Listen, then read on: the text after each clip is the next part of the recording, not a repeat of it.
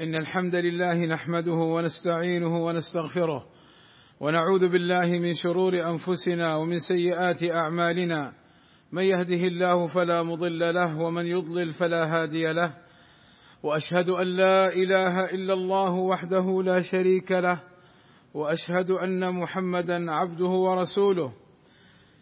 إن أصدق الكلام كلام الله وخير الهدى هدى محمد صلى الله عليه وسلم. وشر الأمور محدثاتها وكل محدثة بدعة وكل بدعة ضلالة وكل ضلالة في النار. أما بعد فاتقوا الله عباد الله كما أمرنا بقوله يا أيها الذين آمنوا اتقوا الله حق تقاته ولا تموتن إلا وأنتم مسلمون. عباد الله إن العطاس نعمة إذ يخرج عن طريقه ما كان بقاؤه مضرا به. ومؤذيا له من الأبخرة المحتقنة في دماغه التي لو بقيت فيه أحدثت له أدواء عسرة. فالعطاس نعمة عظيمة من الله عز وجل على الإنسان فشرع له حمد الله على هذه النعمة. وقد أخبرنا النبي صلى الله عليه وسلم أن أبانا آدم عليه السلام عطس فقال له ربنا سبحانه وتعالى يرحمك الله يا آدم. قال رسول الله صلى الله عليه وسلم لما خلق الله آدم ونفخ فيه الروح عطس فقال الحمد لله فحمد الله بإذنه فقال له ربه يرحمك الله يا آدم. وأخبرنا عليه الصلاة والسلام أن الله يحب العطاس فقال صلى الله عليه وسلم إن الله يحب العطاس ويكره التثاؤب. فإذا عطس فحمد الله فحق على كل مسلم سمعه أن يشمته. وأما التثاؤب فإنما هو من الشيطان فليرده ما استطاع. فإذا قال ها ضحك منه الشيطان. وتشميت العاطس أن يدعى له بقول يرحمك الله وهو حق للمسلم على أخيه المسلم. قال صلى الله عليه وسلم حق المسلم على المسلم خمس رد السلام وعيادة المريض واتباع الجنائز وإجابة الدعوة وتشميت العاطس. وهناك سنن واردة عن النبي صلى الله عليه وسلم فيما يقوله العاطس عند عطاسه وما يقول مشمته. السنة الأولى أن يقول العاطس الحمد لله فيقول المشمت يرحمك الله فيقول العاطس يهديكم الله ويصلح بالكم. قال صلى الله عليه وسلم إذا عطس أحدكم فليقل الحمد لله وليقل له أخوه أو صاحبه يرحمك الله فإذا قال له يرحمك الله فليقل يهديكم الله ويصلح بالكم. السنة الثانية أن يقول العاطس الحمد لله على كل حال فيقول المشمت يرحمك الله فيقول العاطس يهديكم الله ويصلح بالكم. قال صلى الله عليه وسلم إذا عطس أحدكم فليقل الحمد لله على كل حال. وليقل الذي يرد عليه يرحمك الله وليقل هو يهديكم الله ويصلح بالكم. السنة الثالثة أن يقول العاطس الحمد لله رب العالمين فيقول المشمت يرحمك الله فيقول العاطس يغفر الله لنا ولكم. قال صلى الله عليه وسلم إذا عطس أحدكم فليقل الحمد لله رب العالمين وليقل له يرحمك الله وليقل هو يغفر الله لنا ولكم.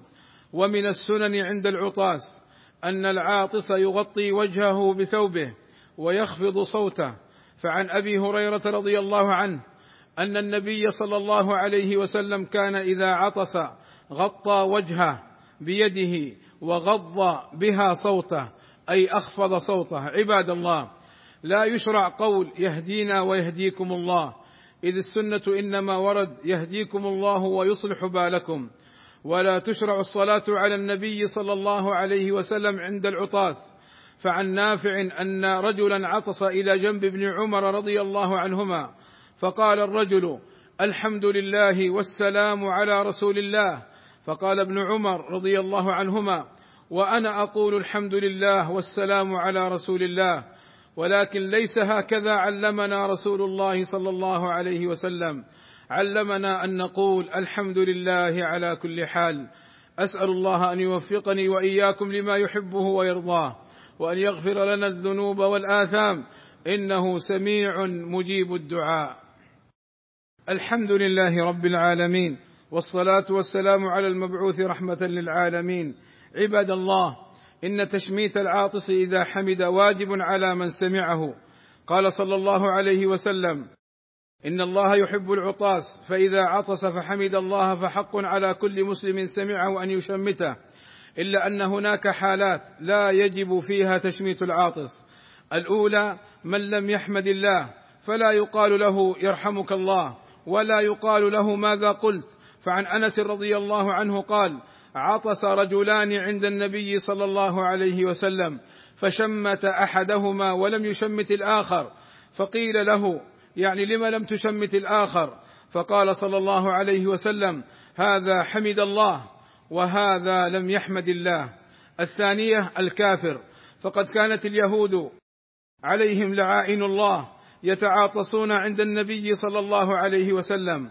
رجاء أن يقول يرحمكم الله. فكان صلى الله عليه وسلم يقول لهم يهديكم الله ويصلح بالكم. الثالثة المزكوم. إذا تكرر منه العطاس أكثر من ثلاث. فعن أبي هريرة رضي الله عنه أنه قال شمته واحدة واثنتين وثلاثة وما كان بعد ذلك فهو زكام. الرابعة من عطس والإمام يخطب فإنه لا يشمت. الخامسة إذا كان العاطس في حالة يمتنع عليه فيها ذكر الله كما إذا كان على الخلاء أو كان في الصلاة عباد الله التشاؤم من العطاس من عادات الجاهلية. فاللهم لك الحمد على نعمة العطاس وعلى جميع نعمك التي لا نحصيها. عباد الله إن الله وملائكته يصلون على النبي. يا أيها الذين آمنوا صلوا عليه وسلموا تسليما. فاللهم صل على محمد وأزواجه وذريته كما صليت على آل إبراهيم. وبارك على محمد وأزواجه وذريته كما باركت على آل إبراهيم إنك حميد مجيد. وارض اللهم عن الخلفاء الراشدين أبي بكر وعمر وعثمان وعلي وعن جميع أصحاب النبي صلى الله عليه وسلم والتابعين لهم بإحسان وعنا معهم بمنك وكرمك. اللهم آتنا في الدنيا حسنة وفي الآخرة حسنة وقنا عذاب النار. اللهم اشف مرضانا ومرضى المسلمين وارحم موتانا وموتى المسلمين. اللهم اغفر لآبائنا وأمهاتنا وارحمهم كما ربونا صغارا.